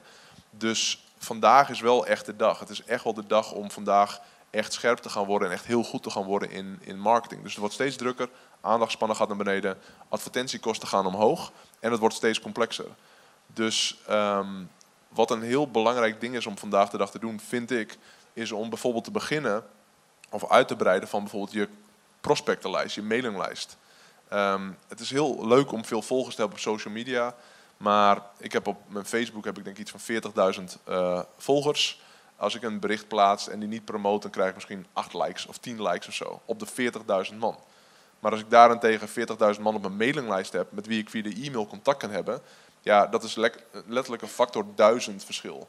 Weet je, ik heb een, een, een mailinglijst van 40.000 goede mensen. Is, um, sterker nog, als je die 40.000 likes, die mensen, die 40.000 mensen die dat hebben geliked, als ik die mensen op een mailinglijst heb, de exact dezelfde mensen, is die mailinglijst, ja, dat is gewoon, ja, ik zeg misschien factor 1000, misschien factor 100 keer meer waard. Dus een goede mailinglijst opbouwen, ik geloof nog steeds dat dat um, een ding is wat de aankomende jaren steeds waardevoller en waardevoller gaat worden. Dus een goede mailinglijst is, uh, is mega. Dus een mailinglijst van potentiële klanten. Mensen yes. welke interesse hebben in jouw product of dienst. Of, en daar ga je dan listbrokers voor, of listbuilders beter gezegd voor inzetten. Hè. Dus dat zijn verschillende tools om die mensen op die lijst te krijgen. Wat zijn nu een paar... Uh, pakt, je, je, bent, je hebt een interieurzaak, je hebt een bouwbedrijf, je hebt een houtzagerij, je hebt een IT-bedrijf. Ja. Laten we gewoon even kijken naar de mensen in de zaal. Wat zijn goede manieren om mensen op je lijst te krijgen? Ja, vriend van mij heeft dus een interieur uh, business en wat hij heeft, hij heeft een uh, inspiratiegids. Dus een inspiratiegids heeft hij gemaakt met mooie voorbeelden. Of ik heb hem nooit bekeken, maar ik weet niet precies wat erin staat. Maar het is een inspiratiegids omtrent interieur. Hij adverteert op Facebook met klik hier om voor een gratis inspiratiegids. Je klikt erop, vult een naam en e-mailadres in en ze krijgen geautomatiseerd krijgen ze zo'n inspiratiegids toegestuurd. Dan hebben ze een persoon die op de mailinglijst erbij komt, die interesse heeft in uh, interieurontwerp en die dan die inspiratiegids heeft ontvangen. Die persoon is aardig wat waard. Misschien niet die persoon, maar gemiddeld is een persoon is aardig wat waard. Um, als je een, een, een uh, noem nog eens een voorbeeld. Um, een accountant. Een accountant. Uh, een accountant die, uh, die maakt bijvoorbeeld een pdf met de tien meest gemaakte accountantsfouten. Of zeven dingen waar je moet letten bij het uitzoeken van de perfecte accountant. Of Ehm, 12 manieren om eh, belastingvoordeel te krijgen als je de juiste accountant hebt. Als je daarmee adverteert op een Facebook of een Instagram of nou, gaat, aanwezig bent op LinkedIn of eh, Google natuurlijk. Als je zoekt op accountant eh, Antwerpen, je bent een accountant in Antwerpen, dan wil je adverteren op het, de zoekwoorden accountant Antwerpen. En dat er dan een pagina is waar mensen zo'n rapport bijvoorbeeld kunnen downloaden. En vervolgens staat er een lead op je mailinglijst. En vanuit daar mag je ehm, in principe onbeperkt contact met hun blijven opnemen totdat zij zeggen nee, wil ik niet meer. En dat ze zich uitschrijven. Ja. En sterker nog, ehm, het is belangrijk om regelmatig contact met ze op te nemen. Want zo houd je de, eh, de relatie warm. En eh, vergeet ze niet. Als jij die persoon bent die regelmatig contact opneemt met je potentiële leads. En ze denken aan, oh ik heb een accountant nodig, en dan, dan denken ze aan jou. Die top of mind awareness die is super belangrijk. Dus denk na aan iets van waarde wat je kunt leveren in ruil voor een naam en e-mailadres. Elk bedrijf kan dat doen. Weet je, als ik die LP-business nog zou hebben, dan zou ik een rapportje maken met zeven manieren om je LP's schoon te houden. Of de, je, de waarde van je LP's te, hoog te houden of dat soort dingen. En als mensen daar interesse in hebben, dan vullen ze wel hun naam en e-mailadres in. En dan ben je in business, dan kun je met ze, uh, contact met ze onderhouden. En het verschil tussen zo'n persoon en een Facebook-like of een, uh, een Instagram-volger of wat dan ook, is dat je zelf Um, je bent niet afhankelijk van een Facebook die ineens hun algoritme verandert. Of van een Instagram die ineens hun algoritme verandert. Een mail is een mail en dat is gewoon jouw eigendom. En die lijst is zo waardevol als je nu eens gewoon creatief gaat kijken. Hè? Dus jullie zitten allemaal in een specifieke handel. En wat de meeste ondernemers vergeten, dat is dat ze al een hele lange tijd in business zijn. En dat ze vroeger, ik spreek dan over vijf of zelfs tien jaar geleden, ook aan marketing deden. Er ook potentiële klanten zijn gekruist die per definitie misschien nooit hebben gekocht, maar die misschien wel vandaag klaar zijn om te kopen. Dus als je gewoon eens gaat kijken terug naar je historiek van je potentieel, wat database dat daar zit, en dat zijn dikwijls mensen waar je een adres van hebt, een telefoonnummer van hebt, maar geen mailadres van hebt, bel die op, contacteer die, vraag om uw mailadres zodanig dat je iets waardevol kunt toesturen. Want dat is een giga waardevolle lijst. Want mensen kopen in fases. Je mensen, ja, ik ben persoonlijk een impulsaankoper. Ik weet niet of het bij jou of bij jullie is, maar ik denk aan iets en liefst vandaag, de laatste morgen. Ik plan dat allemaal zo niet op voorhand. Maar er zijn mensen die dat echt op voorhand plannen en dit geleiden aan uitstelgedrag. Dus er zijn mensen die zich documenteren vandaag om misschien mogelijk binnen een jaar of drie een aankoop te doen. Maar dat potentieel wordt vergeten. Wij zitten te veel in het hier en het nu dikwijls. Ja, Dean Jackson, een, een, gezamenlijke vriend van ons, die uh, is een briljante marketeer is hij. En hij is ook degene die als eerste in... Hij is een legend, hè? Hij is absoluut een legend. Hij is de eerste in de wereld die die squeeze page, dus zo'n zo'n pagina waar je een naam en e-mailadres achterlaat, hij, hij heeft die ontworpen. Een jaar of 20, 25 geleden. En um, um, nou, wij waren ook een paar maanden geleden waren we ook met hem een drankje aan het doen. Ik doe elk jaar organiseer ik een event met hem in Amsterdam. En uh, hij zegt ook van 20% van de mensen die uh, hun naam en e-mailadres achterlaten, dus die in jouw wereld komt, die zijn uh, bereid of van plan om in de eerste 90 dagen tot aankoop over te gaan. Maar 80% van de mensen doet dat tussen de 90 dagen en de twee jaar. En dus 80% mis je als je voor de sale van vandaag alleen maar wil gaan. Als je die mailinglijst gaat opbouwen, pak je die extra 80% van de mensen nog. En dat is een groot verschil. En dat is het voordeel van als je op lange termijn business kunt doen. Ik, mijn mailinglijst, ik ben die gestart in, in 2005, dus 14 jaar geleden. En nog steeds zijn er mensen die in 2005, 6, 7, 8 op mijn lijst zijn gekomen, nooit hebben gekocht. En vandaag in 2019 ineens op een seminar van mij komen. Ja, absoluut. Dus je moet constant listbuilding doen. En ik vertel misschien een anekdote. Op een zeker moment, ik zit mijn, met mijn bedrijf in, in, de, in de bouwsector. En wij hadden een, een heel specifiek soort klant. Mensen gemiddeld tussen die en die leeftijd, eigen woning, woning die is afbetaald. En, maar dat is super waardevolle informatie ook voor andere bedrijven. Toen bestond de GDPR-wetgeving nog niet. Maar toen heb ik gewoon een swapdeal gemaakt met een bedrijf dat gespecialiseerd was in het renoveren van buitenramen. Dus geeft jij x aantal adressen van uw klanten en jij krijgt er van mij evenveel. Dus dan kan je gewoon onmiddellijk tot 1000, 2000 potentiële klanten komen. Maar wat ik ook heb gedaan, ik heb altijd de mensen die nooit hebben gekocht, maar ooit interesse hebben betoond, die heb ik ook in die lijst zitten, in je klantendatabase zitten. En dat zijn natuurlijk voor zulke andere partijen ook interessante adressen. Want die mensen die hebben een eigen woning, die is afbetaald, mogelijk een renovatie. Dus het is constant die listbuilding. Eh, het voordeel is ook als je meer mails stuurt, dat je top of mind blijft bij de mensen. Ja. En bijvoorbeeld als je geabonneerd bent op, op, op Elko, als je op zijn lijst staat, dan denk ik, denk je minstens drie, vier keer per week aan je. Ja, dat is mooi. Ja, En, eh, en, eh, en dat is wel echt wat je wil inderdaad. Je wil wel inderdaad die top of mind ehm, creëren. Dat als ze denken aan oké, die ene oplossing, dat ze denken oké, ik denk aan Ilko of ik denk aan Karel of ik denk aan... Weet je, en dat is, eh, dat is gewoon een belangrijk ding. En het is niet eens dat, dat, dat ik het daarom doe van oh, dan blijven ze aan me denken. Het is gewoon inderdaad, ik heb die waarde te leveren en, ehm, en ik wil ook gewoon dat, dat doen. En daarnaast is het ook gewoon een goede strategie. Nu, ik neem aan dat, dat ondernemers denken, maar ja, voor jullie branche is dat natuurlijk gemakkelijk content creëren en waarde overdragen. Je gaat gewoon stukken van je seminar ga je, ga je brengen. Maar eigenlijk is het voor, voor iedereen vrij makkelijk om te organiseren. Kan je daar iets over vertellen, hoe dat ondernemer in eender welke business waarde kan creëren, content kan maken? Ja. Weet je, ik krijg inderdaad dit bezwaar krijg ik heel vaak van ondernemers. Ja, maar ja, ik, heb een, ik ben een accountant. Ik bedoel, ja, jij hebt je podcast en jij uh, je geeft seminars. Voor jou is het makkelijk, maar ik ben een accountant. Dus ik kan niet content creëren. Maar vervolgens gaan ze op zaterdagavond gaan ze naar een feestje. En dan hebben ze gewoon urenlang, urenlang met andere mensen over hun vakgebied. En over wat ze interessant vinden en waar ze tegenaan lopen. En die ene klant die een blunder had gemaakt en dit en dat. En ik denk, ja, als je urenlang tegen andere mensen over je business kunt praten, dan ben je in principe ook gewoon al een contentmachine. Weet je, er zit gewoon heel veel content en heel veel ideeën en heel veel verhalen zitten er al natuurlijk in je business. Het is aan jou om te kijken hoe kan ik die verhalen uh, op een manier presenteren zodat mensen dat waardevol vinden.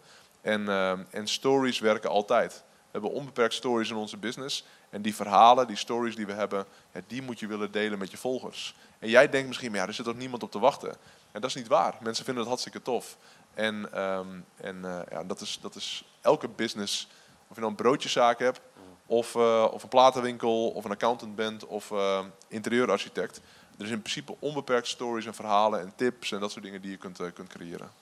Een gemeenschappelijkheid dat, dat mij ook is opgevallen. Jij bent ook een schrijver. Hè? Ook, nog, ook nog heel fysiek. Hè? Je schrijft ook in een boek, ik ook. Maar eigenlijk als je ondernemer bent, zou je constant aan een boeken werken moeten zijn. Constant aan het schrijven zijn over je business. Continu in eender welke business dat je zit, ben je nu in de zwembaden actief of heb je een IT-bedrijf, maak je software of onderhoud je machines, het maakt niet uit. Je hebt altijd anekdotes en stories.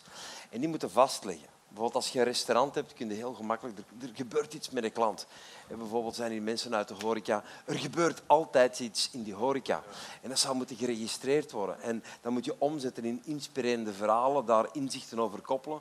En daar kan je dan op een zeker moment van alles beginnen uitpubliceren. Als je ziet hoeveel boeken dat ik in principe heb geschreven die niet ben uitgebracht, die ik nog kan uitbrengen, is fenomenaal. Ja.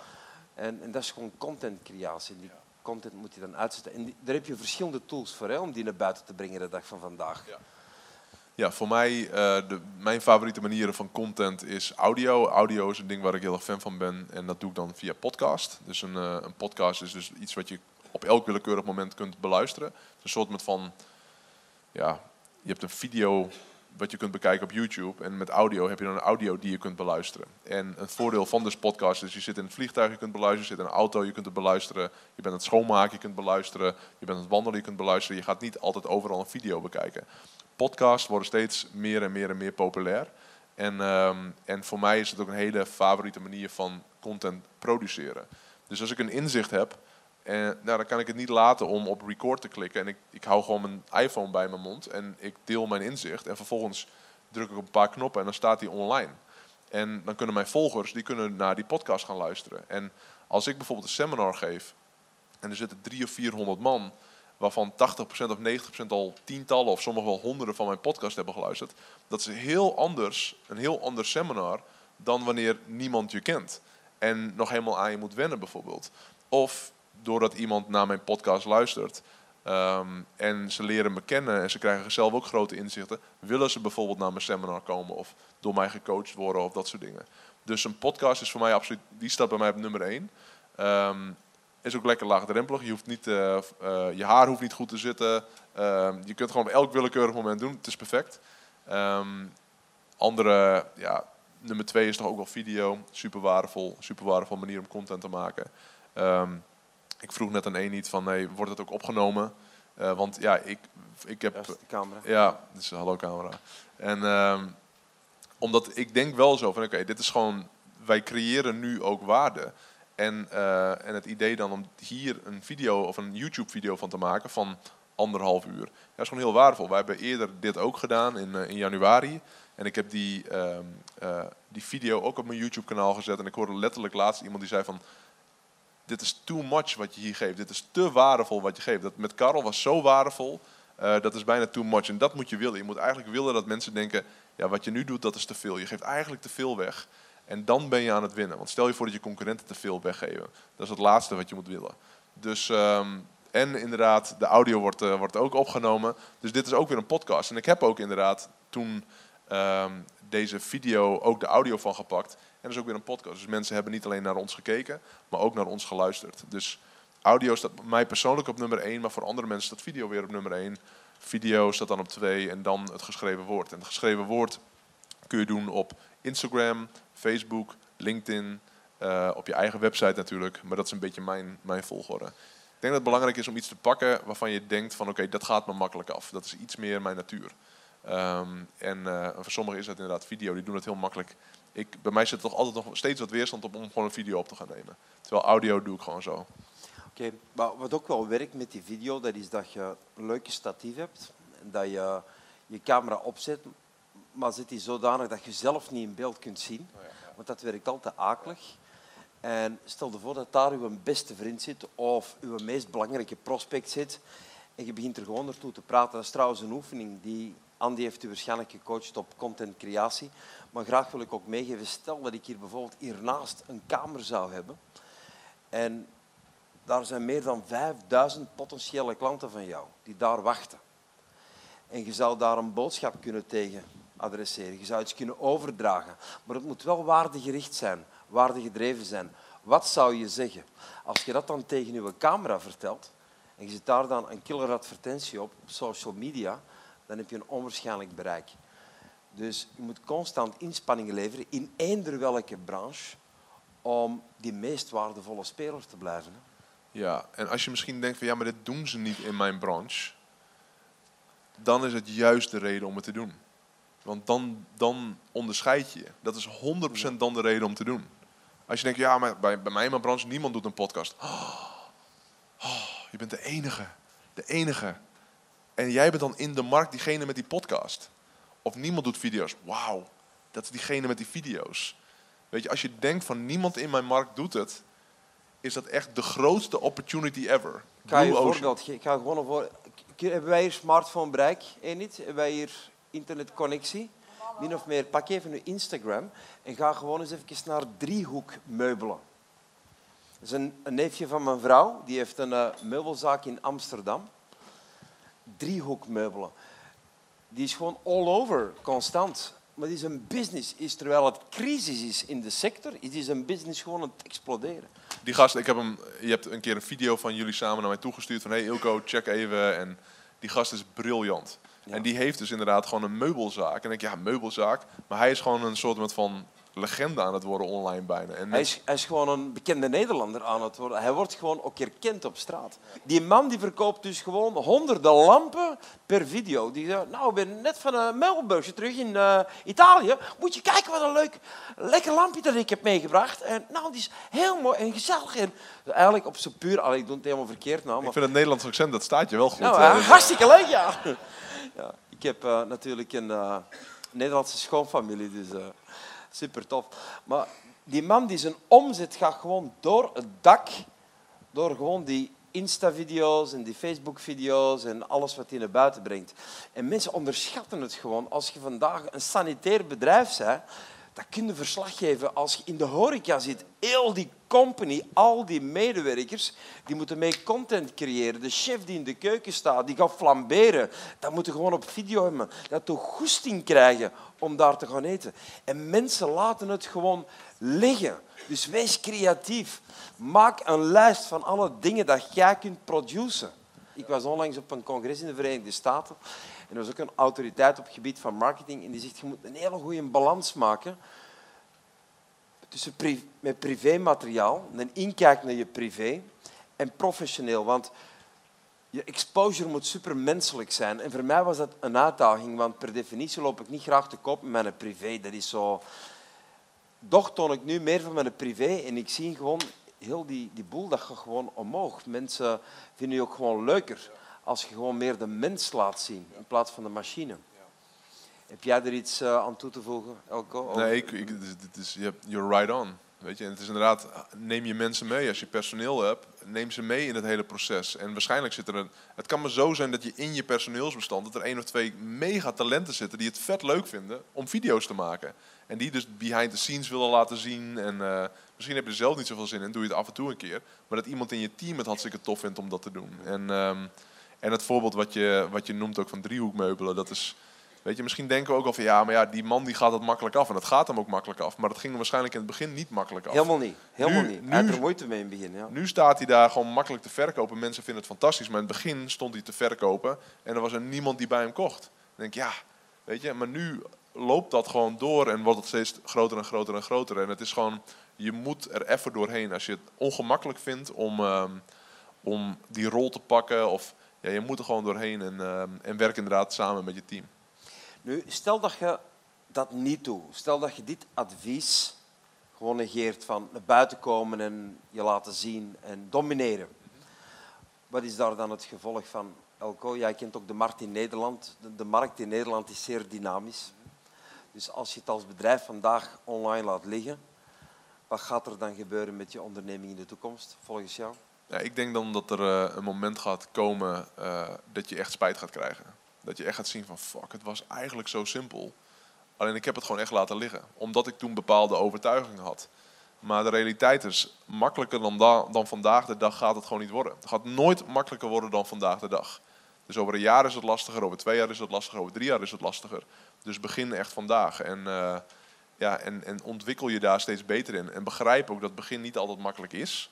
Maar dat het wel vandaag de dag een betere tijd dan dit gaat en niet komen. Dus ik, ik het laatste wat je moet willen is dat je hier spijt om gaat krijgen. En ik heb elke dag spijt van dat ik vijf jaar geleden, tien jaar geleden. En ik was erbij, ik was aanwezig, ik heb business gedaan. Maar nog steeds denk ik, ja, vijf jaar geleden had ik meer moeten inzetten. Vier jaar geleden had ik er meer op moeten inzetten. Vorige week had ik er meer op moeten inzetten. Ik moet stel, zelf ook nog steeds er meer op inzetten. Want ik weet van, oké, makkelijker dan, dan vandaag de dag gaat het gewoon niet worden.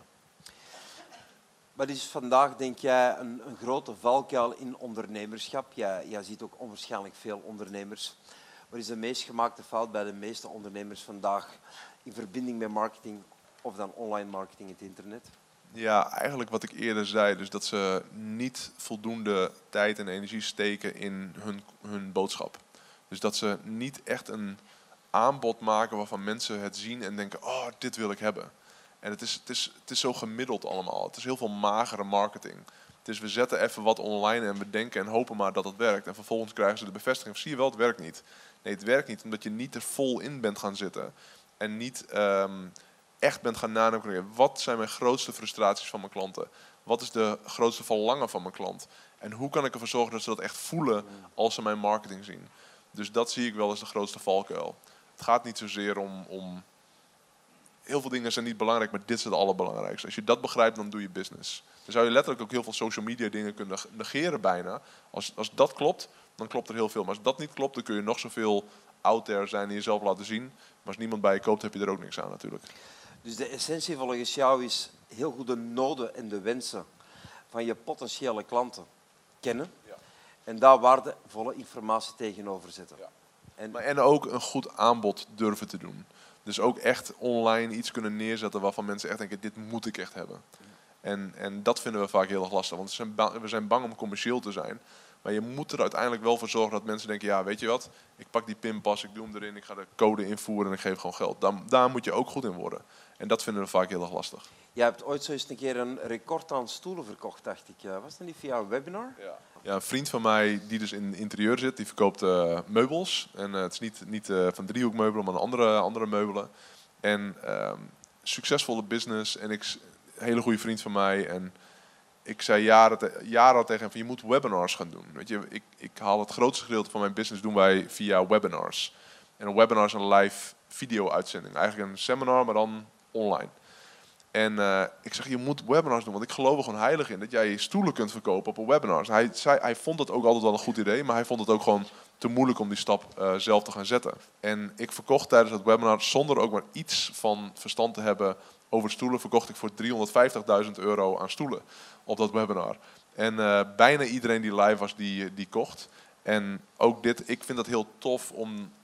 Hoe vaak krijg ik wel niet inderdaad van... Ja, maar ja, is leuk Ilko, maar ik verkoop meubels online. Dus no way dat ik webinars kan doen. En ik vind het altijd leuk om dan wel te laten zien van... Hey, het zit hier.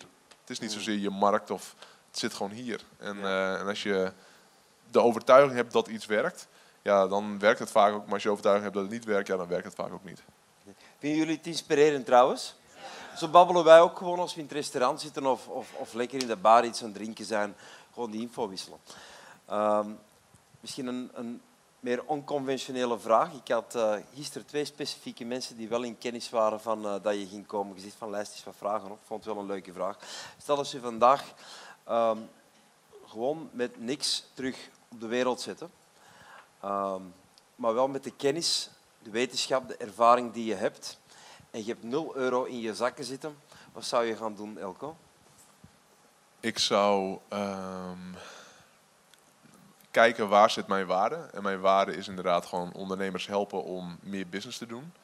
En ik zou, denk ik, de eerste winkel binnenlopen en kijken, hallo, is hier ook een ondernemer aanwezig? En ik zou een gesprek met diegene aangaan. Ik zou kijken of ik mijn dienst zou kunnen verkopen. Ik heb nog niet een business, ik heb helemaal niks. Dus dat zijn dan mijn uren waarschijnlijk, mijn advies. En ik zou waarschijnlijk tegen die ondernemer zeggen: Oké, ik kan gegarandeerd je business met 10 of 20 procent laten groeien. Als mij dat lukt, ben je dan bereid om dit bedrag uh, uh, uh, te betalen? Ja of nee? En als het antwoord is ja, oké, dan ben je weer in business en dan ben ik weer in business. Dus ik zou de combinatie, ik zou dus, ik zou de combinatie hanteren van waar ben ik waardevol in. En dat met één op één sales. Want ik doe geen één op één sales meer. Um, maar ik kan wel één op één sales, want die skill die heb ik me ooit aangeleerd. En dat is wel een skill waarvan ik weet, als ik alles kwijt zou raken, ik heb die skill nog, dus ik, het, het, kan nooit fout gaan. Mm. Ik ben in staat om te verkopen, dus ik zou letterlijk een winkel inlopen, kijken of ik met een ondernemer aan de praat kan komen. Ik zou hem een garantie geven dat ik die business kan laten groeien, in ruil voor een bedrag of in ruil voor een percentage of whatever. En ik zou een business zijn, dat is wat ik zou doen. En jij, ik ben wel benieuwd wat jij zou doen. Um, ja, net hetzelfde. ik zou mensen gewoon helpen, want dat is eigenlijk, ja, ik ben initieel ben ik geen spreker. Ik ben initieel ook geen mentor of coach. Ik ben initieel gewoon een ondernemer die op een zeker moment hoekt is geraakt aan professionele ontwikkeling. En dit komt bij mij vanuit een pijnsituatie. Ik ben op 17-jarige leeftijd van, van school weggelopen, zonder diploma. Ik moest gaan werken, want thuis was er een crisis. En ik had altijd het gevoel van, ja, ik ben niet slim. Ik ben onderontwikkeld. Want ik had best wel wat vrienden die toch wel chique diploma's hadden en dergelijke. En die daar onwaarschijnlijk belangrijk over konden vertellen. Maar ik, ik was street smart. Ik, uh, ik was een doener. En uh, door me dan beginnen ontwikkelen, door mijn geest te verrijken, door nieuwe ideeën op te doen, door uh, seminars te gaan volgen, door met topondernemers samen te zitten die hun brein leegtalen, heb ik vastgesteld dat je op een zeker moment onwaarschijnlijk doeltreffend wordt in, in datgene wat je doet. En je ontwikkelt een aantal specifieke master skills. En jullie zijn allemaal hier om de resultaten van je company te stimuleren. Maar ik denk dat is ondergeschikt. Dat is ondergeschikt. Je bent vooral hier om je brein te uploaden en jezelf slimmer te maken. En eens dat je de kennismeester bent, dan kun je onwaarschijnlijk veel valideren. Dan kun je onwaarschijnlijk veel doen dan kunnen die kennis inzetten om in eender welke business succesvol te zijn. Bijvoorbeeld de driehoekmeubelen. Ik spreek gewoon even nu terug in de tijd. Dat was, uh, Lee Towers was toen nog zeer actief in Nederland en die was als zanger ingehuurd. De zaak was toen niet van Danny, maar was van zijn vader. Het is een zaak die al drie generaties teruggaat. En er was een opening. Ik was er uitgenodigd om, om naar de opening te gaan, de nieuwe opening van de nieuwe winkel. Die Towers kwam er zingen en ze hadden verkoperstekort. En ik had toen de, de master skill sales, die had ik behoorlijk al voor elkaar. Ik was toen ergens in de twintig. Ik heb gewoon een orderboek gevraagd aan de oom van mijn vrouw, de vader van Danny, die nu de, de zaak heeft. En ik zeg van, hoe moet ik dat invullen? En ik heb daarvoor een recordbedrag aan meubelen verkocht, gewoon als gast, omdat ik mijn masterskill kan loslaten op het verhaal. Dus als je salesmeester bent, dan zul je altijd geld verdienen. We zijn beide goed in meubels verkopen, zijn we nu achter. Blijkbaar. Misschien moeten we dat, moeten we dat gaan doen. Um, Als je marketingmeester bent, als je weet hoe dat je product, je dienst moet vermarkten, dan zal je altijd geld verdienen. En de technische kant van je business, datgene wat je werkelijk doet, is denk ik ondergeschikt aan je entrepreneurial skills. En het zijn die entrepreneurial skills, zo ben ik ook in, in de wereld gerold en ik denk jij ook. Zo worden mentors of coaches geboren. Wat ik vaststel de dag van vandaag, ik weet niet in, Nederland is dat nog erger, denk ik. Hè. Er zijn meer business coaches dan koeien in de wei, geloof ik, in, in Nederland. Nederland is, letterlijk ehm, meest procentueel gezien zijn er meer business coaches in Nederland en coaches dan waar dan ook op de wereld. Dus dichtstbevolkte land wanneer het gaat om coaches. Nou, ik denk België is erin al bewegingen te maken. Er zijn tegenwoordig onwaarschijnlijk veel coaches die coaching geven. Wat, wat, wat, ik ook vaststel, is dikwijls in Vlaanderen dan, ik weet niet dat het in Nederland ook zo het geval is, dat er heel veel mensen bezig zijn die zelf nooit geen business hebben gerund en die dan business coaching geven. Ik denk als je bij de gemiddelde business coach de, um, de business weghaalt, dan is er niks meer. Nee, laat ik zo zeggen. Als je bij de gemiddelde business coach de coaching weghaalt, dan blijft er niks meer over. Mm. Weet je, die hebben niet meer een business dan. Want dat is het enige wat ze kunnen inderdaad, business coaching. Waar niks mis mee is. Ik bedoel, als iemand dat graag doet en daar goed in is, zeg maar, dat is, dat is prima natuurlijk. Uh, alleen, ik denk dat het wel handig is voor um, deze business coaches die niet met de poot in de klei hebben gestaan en niet daadwerkelijk hebben gedaan, dat ze dat misschien wel kenbaar maken voordat ze echt met een ondernemer aan de slag gaan. Dus als jij meer winst wilt maken, dan denk ik dat je vooral op de les moet gaan bij mensen die goede winst maken. En die het ook bewezen hebben. Hoe is dat in Nederland? Want dat, die, ja, er is een overspoeling in de markt geweest. Hoe, hoe gedraagt zich dat daar? Want ik, ik wil ook mijn klanten adviseren om daar op een succesvolle manier mee om te gaan. Maar ik ben natuurlijk geen objectieve partij voor de mensen. Kan jij een advies geven als objectieve partij? Van met wie je moet werken bijvoorbeeld? Of, nou ja, natuurlijk met, uh, met Karel of met Ilko. dat, uh, maar, uh, ja, mag wel. Maar, ehm, nou, ik denk dat je wel, ik denk, weet je, je voelt ook wel of iemand echt is, of het real is, of het klopt bij iemand. En um, iemand kan heel goed verkopen, kan een goed verkooppraatje hebben. Dat is niet de beste reden om met iemand in zee te gaan. Ik denk dat het heel waardevol is om een, om een mentor te hebben en, business coaching te genieten. Um, maar je voelt wel of iemand inderdaad met de poot in de klei heeft gestaan en daadwerkelijk het, het, het, het, het pad heeft bewandeld dat jij nog wil gaan bewandelen. En ik vind een goede mentor die ziet een grotere versie in jou en die weet vervolgens ook de volgende stappen te zetten. Maar een goede mentor die heeft dat pad zelf ook bewandeld. En, um, en dat is gewoon heel erg belangrijk. En ik denk, um, wat we vaak doen is we kijken inderdaad naar de, de, uh, de goeroes. En het is heel lastig om bijvoorbeeld van mij één op één coaching te krijgen. Of van Karel één op één coaching te krijgen. Maar toch krijg ik heel vaak de vraag van, hey kun je me één op één coachen? En dat zul jij ook heel vaak krijgen. Uh, dan heb je natuurlijk heel veel honderdduizend business coaches die niets liever willen dan jou te coachen, maar niet echt ja, dusdanig goed zijn dat je er echt heel veel waarde uit gaat halen. Ik denk dat heel waardevol is. Een van mijn eerdere coaches uh, was een man die letterlijk een business heeft op. Ik heb twee uh, coaches gehad, twee mentors gehad, van wie hun vak niet was om mentor te zijn of coaching te geven. En beide hadden een business tot een miljard gebracht. Eentje daarvan is miljardair geweest, is ook alles weer kwijtgeraakt uiteindelijk. Ook heel interessant om van zo iemand te leren. Um, maar weet je, dat waren mensen die daadwerkelijk het pad hebben bewandeld. En bijvoorbeeld als jouw, uh, jouw zwager, die uh, zwager toch? Die, uh, ja, ja, mijn neef, ja. Die Allee, is de neef van mijn vrouw. Ja, precies. Die is waarschijnlijk geen business coach. Die zal dat dan nooit aanbieden. Maar ik denk als je van hem, ja, als je één keer in de twee weken of één keer in de maand met hem kunt eten, of een drankje kunt doen, of een lunch kunt betalen, wat dan ook. Of desnoods tegen hem zegt, ik wil je betalen, wat dan ook. Dat is waarschijnlijk waardevoller dan, uh, dan de gemiddelde business coach.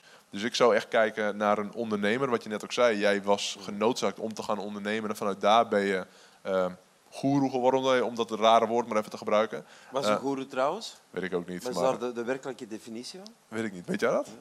Uh, is dat een soort van wijsheer of zoiets? Dat, ik weet niet. Zoek eens op. Wat is eigenlijk goeroe? Wat wil dat zeggen? Een spirituele leider. Ja, dan, Klinkt wel fancy, ja. Ja, ja precies. Dus, maar dat ben ik helemaal niet. Ja. Maar, um... Ik heb nog één vraag voor je.